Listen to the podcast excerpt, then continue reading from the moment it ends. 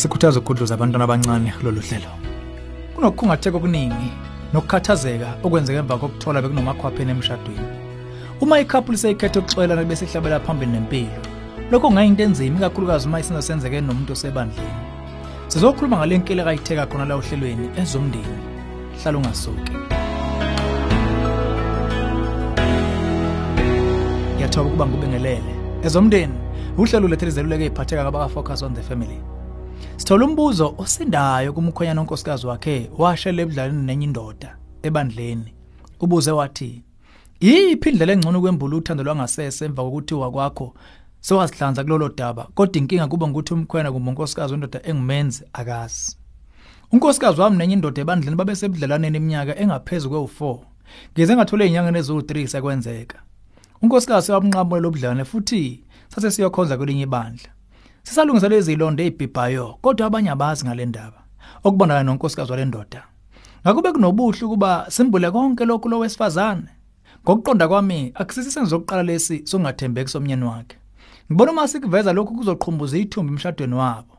Kodwa ngiphinde ngiyibuze lokhu kuzosibeka kuphi ohambeni lokubuyisana. Ikuphi enikuphakamisayo? Okwethu kuphendula akusiwona umsebenzi wakho wasalo wesifana ngokuphazama kwendoda yakhe. Kungumsebenzi wayo indoda yakhe lowo. Kahle hle yilo necala okumele aye kwakwakhe ayocela intethelelo. Kumele kube nguye oshayela uhlelo uma engakulungela ukwenza lokho kuncane wena ongakwenza. Umsebenzi wakho njengamanje uqinisekisa ubudlane bakho bubuyele esimene esihle lokho kuzobiza isikhathi umdlandla nokuyimisela konke. Lokho kuchaza ukuthi kuhle kunqamula amaxhama onke okuxhumana nalendoda nonkosikazi wayo.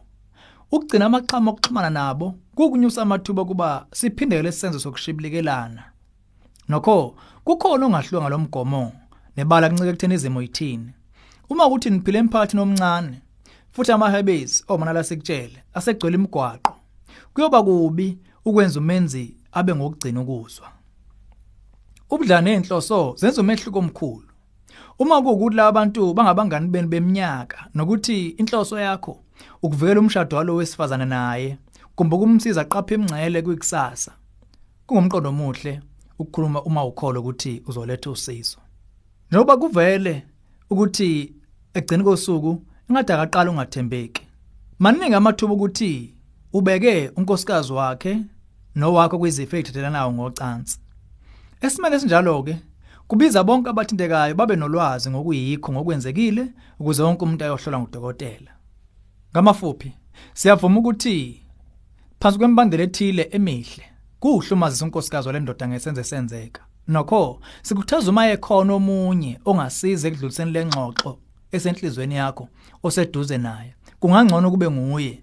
Ongaba umfundisi umeluleki umngani wesifazane oqotho walo wesifazane oluthiwe. Uyobe wenze kahle ukushela udaba ezandleni zabo. Njengoba sesiphakamisela ukuthi ngokume kufanele ukumtshela wesifazane uzobe uyibeka emathumela nobungozi nangowakho umshado qobo.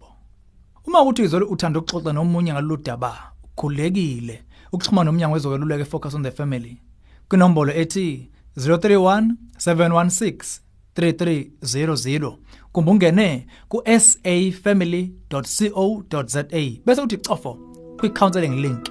Abaluleki bangaphinde bakuxhumane nongoti abasebenza eduze kwala ukhona sikhulekela inhlakanipho ohlangotheni lwakho kanjalo nomusa namandla kulolo mshado wakho ohuzukile lolu hlelo ezomndeni ulethulelwe yi-focus on the family sihlangabezwa hlelo luzayo sesihlabelisa phambili umndeni wakho.